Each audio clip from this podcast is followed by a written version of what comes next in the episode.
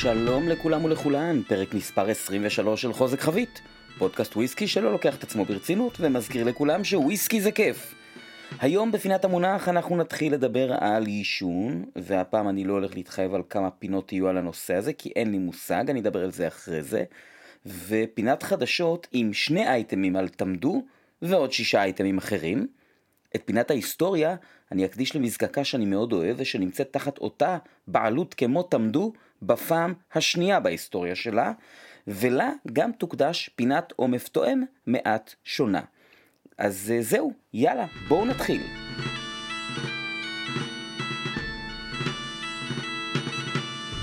אז הגיע הזמן להתחיל את סדרת פינות המונח על עישון, וכמו שאמרתי בפתיח, בניגוד לפינות שהיו על שאר הנושאים הטכניים, הפעם אני לא הולך להתחייב ולא מבטיח הבטחות על כמה פינות יהיו, זה ייקח כמה שזה ייקח, אני הולך לחלק את זה לביסים קטנים כדי להיות כמה שפחות גיקי ועמוס בכל פעם, וזה יהיה מה שזה. היום אני רוצה להתחיל עם איזשהו מבוא קצר שבכלל יסביר לנו איך בא לעולם התהליך הזה שנקרא יישון. למה אני מתכוון? היום אנחנו מתייחסים לעישון בצורה מאוד טבעית. האמת היא שאם אתם תחשבו על זה רגע, זה משהו ממש לא טריוויאלי. כלומר, למה שמישהו יניח בצד איזשהו מוצר שהוא כרגע ייצר במאמץ רב לכמה שנים?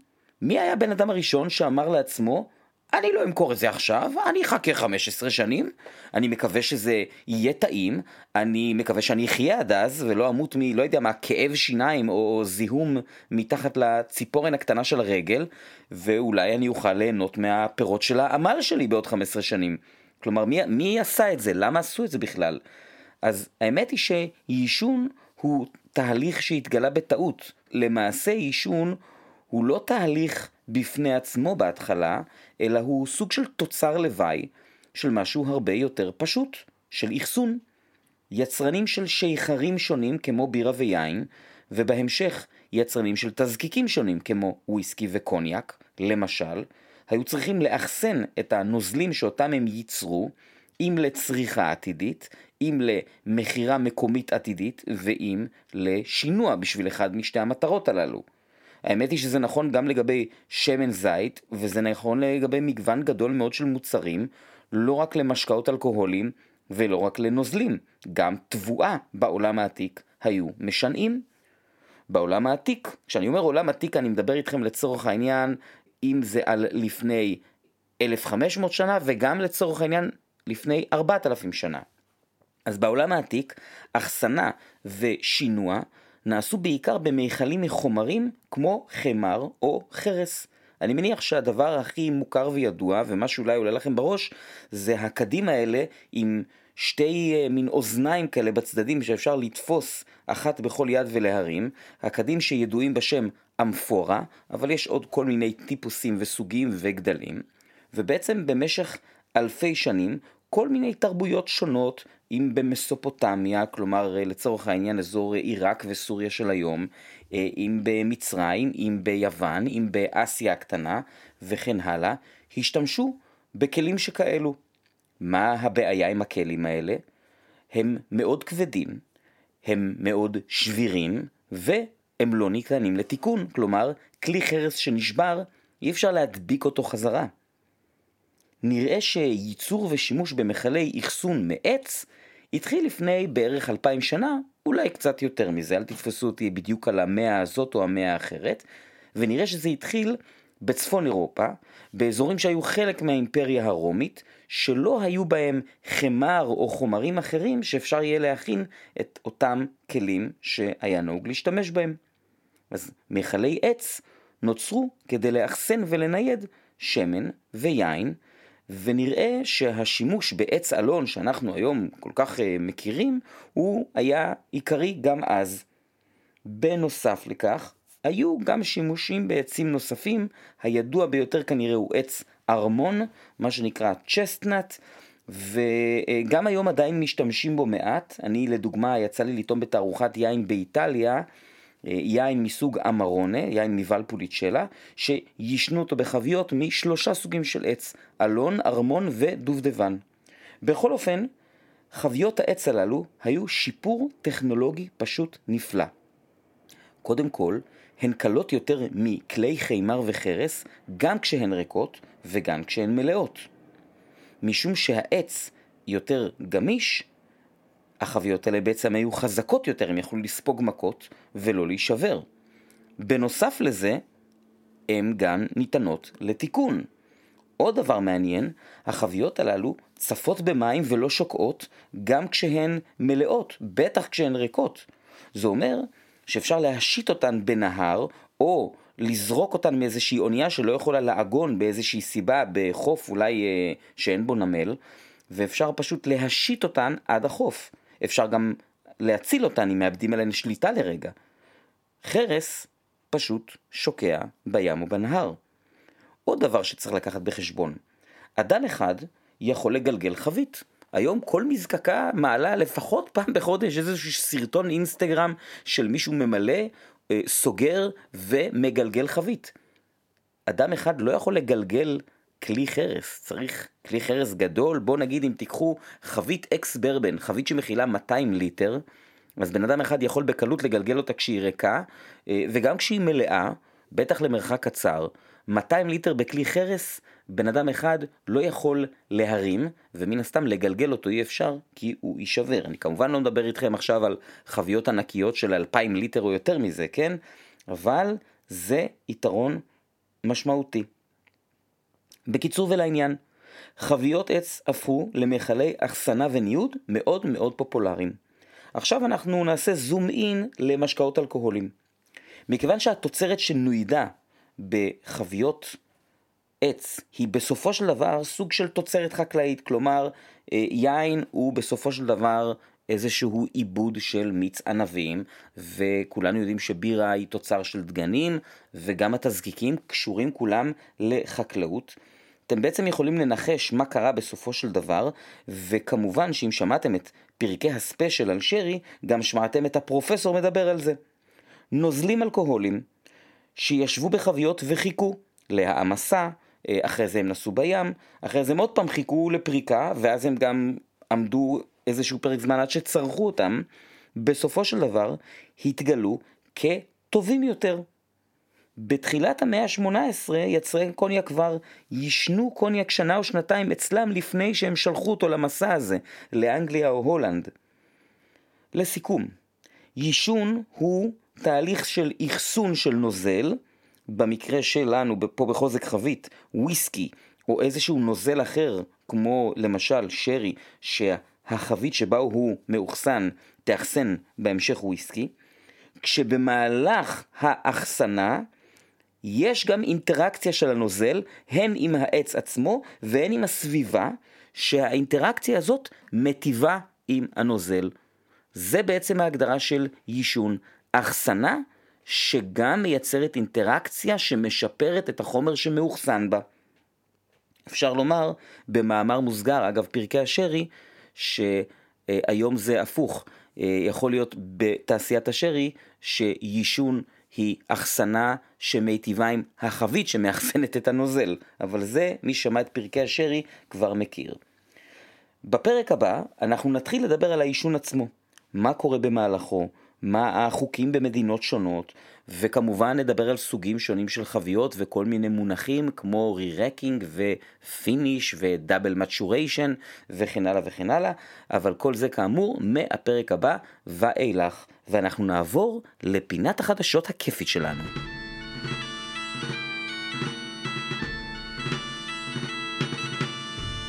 היום בפינת החדשות אנחנו מתחילים עם אייטם מארצות הברית. בתחילת החודש, בראשון לספטמבר, ג'ים בים, או יותר נכון תאגיד בים סאנטורי, חנך מזקקה חדשה בקנטקי אשר תיקרא על שמו של פרד בי נו, או כמו שהוא יותר מוכר, בוקר נו, שהיה דור שביעי למשפחת בים.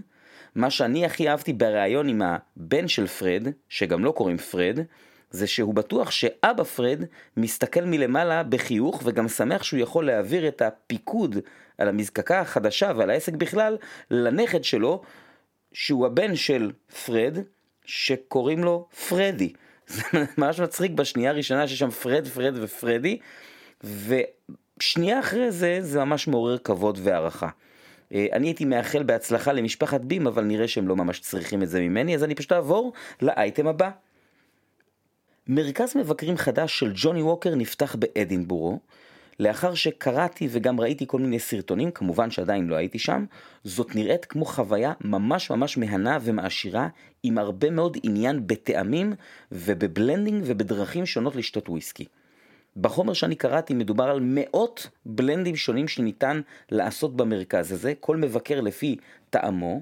זה אולי לא סינגל קאסק ממזקקה סגורה, אבל אין לי ספק שזה נורא כיף, ויכול להיות שמלצנופס פשוט פחות מתחברים לבלנדים בייצור המוני כמו ג'וני ווקר, אבל חברים, המרכז הזה הוא פשוט תאווה לעיניים, אני ממש ממליץ לנסות לראות סרטונים עליו, וגם כרגיל אצל דיאג'ו, הכל נעשה מדויק ונכון, תוך התייחסות לאיכות הסביבה, ותרומה לקהילה במגוון דרכים, וזה פשוט יפה. אין לי ספק שזו אטרקציה תיירותית, אבל אני אשמח לבקר בה, וכמו שאומר הדוק, תזכרו שאנחנו חייבים את המלטים שאנחנו כל כך אוהבים לבלנדים האלה.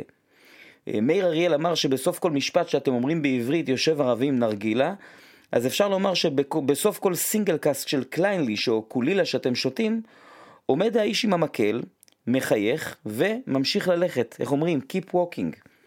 אני עובר לאייטם מספר 3, מזקקת טומטין מציגה את הביטוי הרביעי והאחרון בסדרת French Collection, שכוללת בעצם ארבעה ביטויים של וויסקי, שכולם אה, בעצם וויסקי שזוקק ב-2008, ומה שמשותף להם, שהוא עבר finish בחביות מתעשיית האלכוהול הצרפתית. לאחר ששלושה הביטויים הראשונים עברו finish בסוג של יין צרפתי מתוק, אה, אחד שנקרא מונבזיאק, אחד בסוטרן ואחד בריבסלט, הסדרה נסגרת עם ביטוי ב finish קוניאק. הוויסקי מבוקבק ב-46% אלכוהול, אני כמובן טרם טעמתי אותו, אבל צריך לציין לטובה את משב הרוח המרענן שעובר על טומטין בשנתיים, שלוש, ארבע האחרונות, והוא פשוט לא מפסיק. לציין שהמהדורות הללו נמכרות רק באתר של המזקקה, לפי מה שאני מבין, ולצערי האתר הזה לא שולח את הוויסקי לישראל. אני עובר לאייטם הבא, מזקקת קילחומן האהובה עליי, מציגה את ה-100% איילה, מהדורת 2021. למי שלא מכיר או זוכר, אני אזכיר שזו המהדורה, או אולי יותר נכון לומר ה line של קילחומן, שמיוצר משעורה שגדלה אך ורק בחווה שבה המזקקה נמצאת, אם אני זוכר נכון, קוראים לה חוות רוקסייד. וגם עוברת הלתתה ב malting floors של המזקקה ל-20 ppm, בניגוד לשעורה של הביטויים האחרים המעושנים שמגיעה מפורט אלן ב-50 ppm. המהדורה הזו, הפעם, כוללת 12,000 בקבוקים ב-50% אלכוהול. הוויסקי הוא בעצם ואטינג של 26 חביות אקס ברבן ו-9 חביות שרי בת, כלומר חביות של 500 ליטר, חביות גדולות, אז בעצם לפי מה שקילחומן מפרסמים, 60% מהנוזל ישב בברבן ו-40% בשרי. למיטב זיכרוני, זה המהדורת 100% איילה עם הכי הרבה השפעת שרי, לפחות ממה שאני זוכר. הגיל הרשמי של הוויסקי בן 9, למעשה יש שם חביות מהשנים 2007, 2009, 2010 ו-2011. אישית, אני מעדיף 100% איילה ללא או עם מעט השפעה של שרי, יהיה מעניין מאוד לטעום אותו. אני מעריך שתגיע לארץ כמות קטנה של בטח כמה עשרות, או אולי איזה 100 וקצת בקבוקים, ואם זה יקרה ואני אדע, אני כמובן אעדכן. אני עובר לאייטם הראשון מבין שניים על מזקקת תמדו הנהדרת מהספייסייד, שמוציאה את הביטוי הראשון בסדרה חדשה בשם סיגר מלט, עם השם המחייב Cigar Malt Number 1. לפני שאני מרחיב, אה, למי שלא מכיר, cigar malt הוא ביטוי שאנחנו כבר מכירים ממזקקות אחרות כמו למשל דלמור וטומינטול וגם גולני כאן בארץ. שזה בעצם אמור להיות וויסקי עשיר שיכול להחזיק את עצמו אל מול סיגר, זאת אומרת בזמן עישון סיגר, וכמובן לתת חוויה שתשלים עישון של סיגר. אז אצל תמדו ה Cigar Malt Number 1, בעצם הוא וויסקי ללא ציון גיל, שהתיישן בחביות אקס שרי אולורוסו מאלון אירופאי בלבד, ובוקבק בחוזק החבית 53.8%. לא ידוע לי מספר הבקבוקים, זאת אומרת לא פרסמו כמה בקבוקים מהדבר הזה יש, זה לא single cask, אבל התפוצה שלהם מוגבלת לכמה מדינות בלבד, שהן, לפי מה שפורסם, אנגליה, ארצות הברית, הולנד, גרמניה, טיוואן וסין. המחיר 180 פאונד. אני עובר לחדשות נוספות שקשורות לטמדו, והפעם הן יותר מרגשות והן מזווית מקומית. חברת י"ד עסקים, היבואנית של טמדו לארץ, שמייבאת עוד מספר מזקקות ויצרני וויסקי, כמו למשל דלמור, ג'ורה וקומפס בוקס, ובן רומח, ומיקטרס, אני מקווה שלא שכחתי אף אחד, אז היא הנחיתה, סליחה, גורדון מקפייל, היא הנחיתה אה, בארץ single cask של טמדו, חבית שלמה שבוקבקה עבור השוק הישראלי, כלומר עבור י"ד עסקים. מדובר בחבית של ex oloroso sherry hogshead, לא butt, כלומר חבית יותר קטנה של כ-250 ליטרים, מאלון אירופאי במילוי ראשון. הנוזל זוקק ב-13 באפריל 2006 ובוקבק ביוני האחרון, כלומר הוויסקי הוא בן 14. סך הכל החבית הזאת הניבה, לפי מה שרשום על התווית, 220 בקבוקים, בחוזק החבית 58.6% אלכוהול. אני לא יודע מה יהיו המחירים בחנות, אבל single cask של תמדו לרוב מתחיל ב-250 פאונד, אני מעריך שהוא לא יתומחר כל כך יקר, זה יהיה מעניין לראות כמה. דרך אגב, אני נותן פה כהערת אגב, מעניין לראות איך וויסקי בחוזק החבית בן 14 הוא 58.6 ומצד שני הסיגר מלט הוא 53.8 ולא ציינו את גילו, אני מניח שהוא יותר צעיר, האם יכול להיות שהסיגר מלט הוא בעצם לא בחוזק החבית? אני לא יודע, מעניין. אני עובר לאייטם הבא. מילקן האני התחילו להפיץ את מהדורת האייפקס החדשה והאחרונה, אייפקס ים המלח. את העובדה שהמזקקה הזו מיישנת חביות וויסקי באזור ים המלח רבים מכירים, אני טעמתי שתי חביות שהתיישנו באזור, אחת בצורה חלקית ואחת לכל אורך התקופה, והוויסקי אה, בעצם מקבל שם טעמים מאוד מאוד שונים ומעניינים. אני לא טעמתי אותו עדיין, המחיר באתר המזקקה הוא 525 שקלים, שזה יותר מהאפקסים האחרונים, כמובן שבמידה ואני אטעם, אני אספר לכם עליו, וממילקן הני למזקקה ישראלית נוספת, רק בפרק הקודם סיפרתי לכם על חבית האקספורט לבן של ירושלמי שהולכת להיות מבוקבקת בקרוב, והיא אכן בוקבקה. לשמחתי, 40 בקבוקים בוקבקו בחוזק החבית, שהוא 64 אחוז. אני כבר קניתי אחד, ודרך אגב קניתי רק אחד מתוך התחשבות באחרים ותו לא. אז אם אתם רוצים, אני מציע ליצור קשר עם מזקקת ירושלמי, כי זה באמת באמת וויסקי נהדר, דיברתי עליו, השתפכתי עליו אה, בפרק הקודם, ואני לא אעשה את זה עוד פעם, כי יש גבול. אז אה, זהו, זו הייתה פינת החדשות שלנו, האמת שממש ממש פינה כיפית עם הרבה דברים נחמדים, ואני עובר לפינת ההיסטוריה.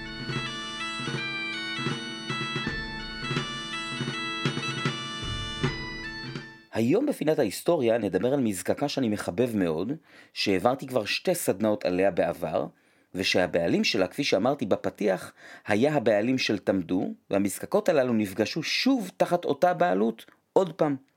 אני מקדיש את פינת ההיסטוריה הזו היום למאזין שלום בן יאיר, שמאוד אוהב את uh, המזקקה הזאת, וגם בא לבקר אותי בבר לפני uh, שבועיים, אם אני זוכר נכון, היה לנו מאוד כיף לשבת קצת ביחד, ועם אשתו המקסימה, וזהו. אז uh, שלום, זה בשבילך, אנחנו מדברים כמובן על מזקקת גלן גוין. שנת ההקמה הרשמית של גלן גוין, כפי שהיא מופיעה גם על הבקבוקים שלה, היא 1833, למרות שכמו מזקקות רבות מאוד, גם כאן הסיפור כולל כמובן זיקוק לא חוקי וללא רישיון גם לפני כן. בכל אופן, מקים המזקקה, ששמו הוא ג'ורג' קונל, או ג'ורג' קונל, אני לא בטוח איך אומרים את זה, הוא ב-1833 נמאס לו כבר לחיות בפחד, והוא הפך למזקק חוקי. המזקקה שלו אז נקראה בעצם ברנפוט, והיא שכנה בדרום ההיילנד. דרך אגב, אני לא יכול שלא להגיד את זה, חייבים לומר את האמירה השחוקה הזו, אז אני אציין את זה כבר עכשיו. כל פעם שקוראים על גלן גוין, או שומעים על גלן גוין, תמיד מציינים שאומנם המזקקה נמצאת בהיילנד, אבל מחסן החביות שלה נמצא מדרום למעבר לכביש, וטכנית הוא דווקא בלואולנד. אז הנה אמרתי את זה, ואנחנו נתקדם עם עוד דבר שג'ורג' עשה כשהוא הוציא רישיון, והוא לדאוג לעצמו לאספקת מים טובים, אה, שתהיה מובטחת רק לו, הוא בעצם חכר את מקור המים שליד המזקקה ל-99 שנים, במחיר של 8 פאונד לשנה. המזקקה עברה ידיים פעם אחת ב-1851 ופעם נוספת ב-1876 כי היא נרכשה על ידי חברה בשם לנג ברוז שעסקה ב blending, לא לבלבל, זה לא קשור לא עם דגלס לנג ולא עם הנטר לנג, אין קשר להם, ובעצם כשלנג ברוז רכשו את המזקקה, הם שינו את השם שלה מברנפוט לגלנגווין אוף ברנפוט. 12 שנים לאחר מכן, ב-1888, הם סופגים מכה לא נעימה, כשסערה משמידה את מחסן החביות שלהם, אבל הם מתאוששים, ובתחילת המאה ה-20 יש מקומות שכותבים ב-1905, יש כאלה אומרים שזה קרה ב-1907, בכל אופן, שמה של המזקקה הופך פשוט להיות גלן גוין, פירוש השם גלן גוין בגלית הוא עמק אווזי הבר. ב-1965 לנגברוז מתאחדים, או אפשר לומר נטמעים לתוך איזושהי חברת blending אחרת בשם רוברטסון אנד בקסטר.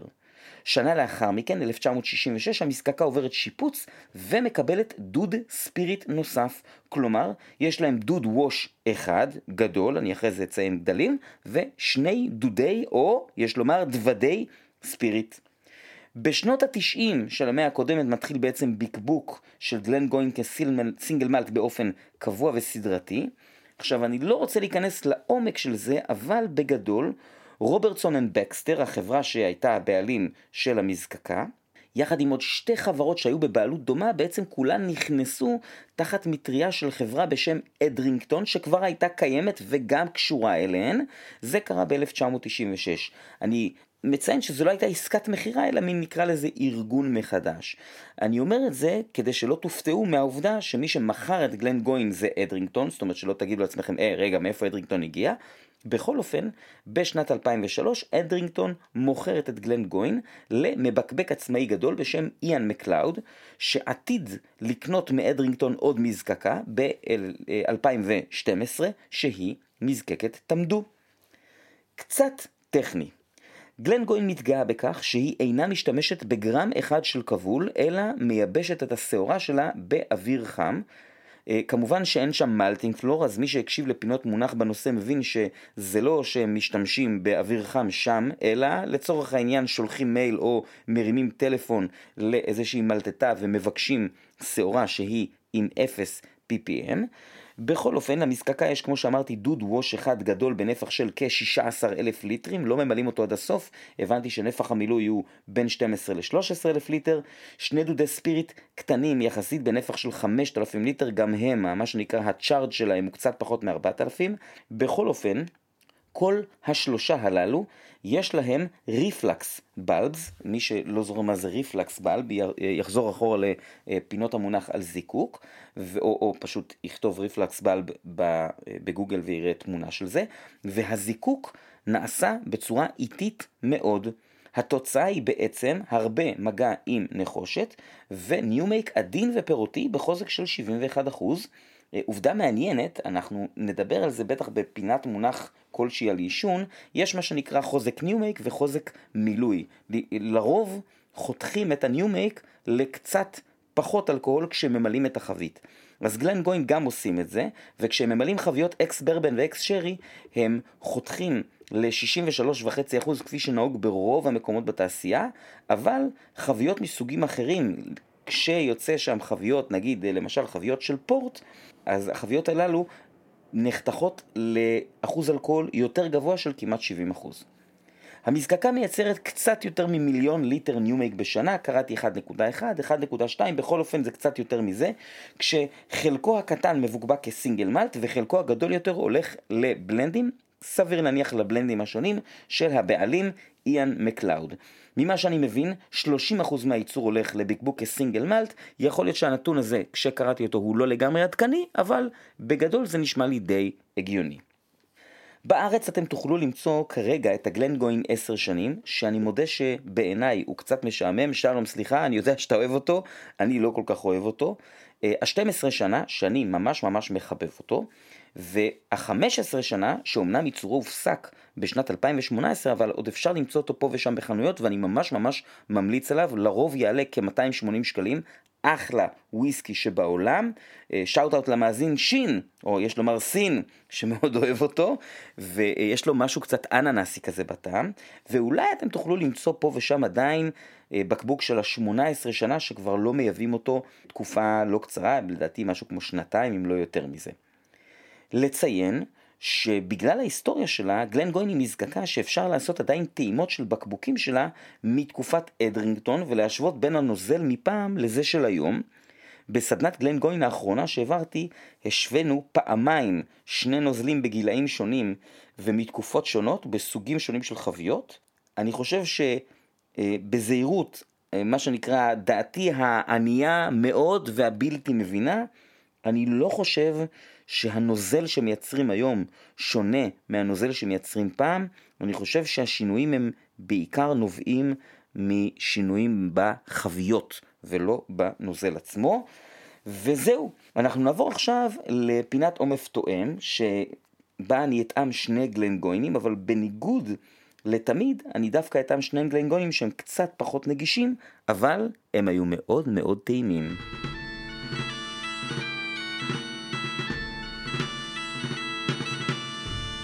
אז בלי לחכות אנחנו מתחילים את פינת עומף טועם והיום עם שני גלן גוינים מאוד מאוד טעימים אבל קצת פחות זמינים שמעניין לציין שניהם זוקקו בימים שהבעלים של גלן גוין היו רוברטסון אנד בקסטר ובוקבקו בימי איאן מקלאוד בבעלות החדשה. נתחיל עם הראשון, תעודת זהות, גלן גוין 17 שנה, בוקבק ב-2011 הייצור של גלנגוין 17 שנה הופסק לפי מה שאני יודע ב-2012, הוחלף בגלנגוין 18. מיושן בחביות שרי אולורוסו בלבד, 43% אלכוהול. מזיגה ראשונה, באף, שילוב של מתיקות ויובש עם מעט חמיצות. ברגע הראשון יש משהו שמזכיר סוכר חום, ואז יובש שמזכיר צימוקים, משהו כזה קצת ייני. הוא מרגיש באף יותר אלכוהולי מ-43%, לא הרבה יותר, אבל הוא קצת סגור וקצת מעקצץ, ונראה לי שבטעימה עיוורת הייתי מנחש שהוא נגיד 45-46%. בפה הוא משלב גם כן משהו מתוק עם משהו יבש עם מעט חמיצות, ואני תמיד מרגיש בגלנגוין 12 משהו שמזכיר לי קצת אגוזי לוז, כאן גם יש משהו אגוזי, אבל יותר יבש. תחשבו על אגוז מלך, מין אבקה כזאת של אגוזי מלך, או אולי קליפה של אגוזי מלך. גם הצימוקים שהיו באף כאן, מעט מתקתקים, יותר חמצמצים, והאפטר טייסט יבש ואגוזי. ללא ספק במזיגה הראשונה, הוויסקי היה ממש סגור. אחרי 20 דקות האף מעט התרכך, אבל עדיין מרגיש מעט יותר אלכוהולי מ-43%. הוא מפתח משהו חמצמץ ותפוחי, כאילו יש כאן איזשהו אלמנט של שרי שהוא לא לרוסו, אלא משהו שהוא קצת יותר בכיוון של פינו, הוא ללא ספק שונה מהגלן גוין 18 שהחליף אותו, והרבה יותר מדבר שרי אולורוסו. זאת אומרת, ה-18 הוא ממש שרי אולורוסו פר אקסלנס, כאן לא רק, גם. בכך, הוא גם כן נרגע והוא כאילו התרחב. יצא מעט יותר מתיקות, האלמנט האגוזי בפרט והיובש בכלל נרגעו, יש בכניסה שלו לפה שתי שניות מתקתקות שמזכירות סוכר חום וקרמל בקטע די עדין, אבל הוא מיד עובר ליובש וחמצמצות. הפה שלו בהחלט יותר אולורוסואי מהאף שלו, אבל גם כאן יש את התפוח החמצמץ הזה, והתפוח החמצמץ ממשיך לאפטר על חשבון הצימוקים שהיו במזיגה הראשונה. שורה תחתונה, חבל שהפסיקו לייצר אותו. הוא שונה ובעיניי יותר אולד סקול ופחות מתחנף מה-18 שנה, ולכן אני גם יותר אוהב אותו. ותשמעו, מה אני אגיד לכם, זה לא איזה וויסקי מדהים, כן? זה עדיין וויסקי ב-43% אלכוהול. אבל בעיניי, נגיד במחיר של עד 400 שקלים, הוא בהחלט וויסקי מעניין ונורא נורא כיפי, שונה. אז זהו, זה היה גלנגוין 17, ואני עובר הלאה לטעימה השנייה.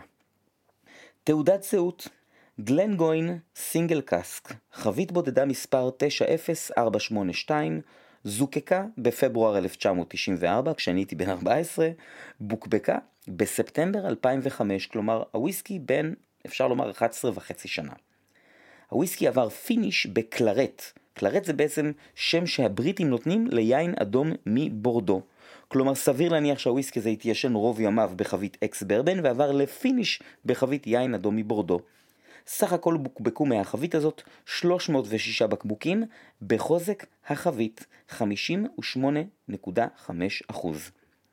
מזיגה ראשונה, באף חמוץ מתוק שמתבטא בכל מיני צורות. יש כאן גם פטל חמוץ מתוק, יש פה קצת סוכר חום מתוק, יש קרמל שרוף כזה, ויש משהו שמזכיר יין אדום עם הרבה חמיצות ועם תנינים. האף מעניין, אבל זה ברור מהשנייה הראשונה שהוא ממש ממש ממש סגור. בכך, קודם כל, הגוף מאוד מאוד מלא, ממש סירופי. זה ללא ספק הגלן גוין הכי סמיך שאני טעמתי. יש גם כאן משחק של חמוץ ומתוק, רק שהיובש והיעיניות הרבה יותר דומיננטיים כאן מאשר באף. וויסקי חם, מי שמכיר את הביטוי הזה שאני אה, מדי פעם אומר, וויסקי חם זה וויסקי שממש מחמם את הפה, אז פה זה בהחלט וויסקי חם שהולך ומתייבש. האפטר ארוך מאוד ומייבש את כל הפה. הוא נשאר בעיקר על השפתיים ובאזור החניכיים הרבה מאוד זמן, וגם בחך ובחלל הפה היה לי ברור שהוויסקי מאוד מאוד סגור. אחרי 20 דקות, הערכה נוספת, תשמעו, פשוט אף ממש מיוחד. זה וויסקי, זה יין, זה חומץ בלסמי, לא יודע. האף כן נפתח קצת, אבל עדיין היה מאוד סגור. בפה היובש מעט נרגע, יצאו קצת תבלינים, אבל עדיין היה חמוץ מאוד וסגור. החלטתי שאני נותן לו עוד הרבה הרבה זמן, ואת הגמול שלי אני קיבלתי אחרי שעה שהוא היה בכוס. האף קיבל מלא מלא גוונים של חמיצות. יש פה למשל משהו שמזכיר דובדבנים, יש איזה משהו קצת גבינתי שמזכיר גבינה ביין, כל מיני דברים נחמדים שכאלה, וגם אחרי שעה הוא עדיין שמר על הפאנץ' האלכוהולי שהיה לו, אבל לא בקטע מפריע, בקטע נחמד. בפה הוא קיבל קצת מתיקות, החמיצות מעט התעדנה, אה, בטח יותר מאשר באף, והיובש מאוד נרגע ובעצם בעיקר נשאר בחניכיים, ממש יובש של טנינים. אחוז האלכוהול הרבה פחות מורגש בפה, אבל באפטר טייסט הוא כאילו נדלק, הוא כאילו חוזר.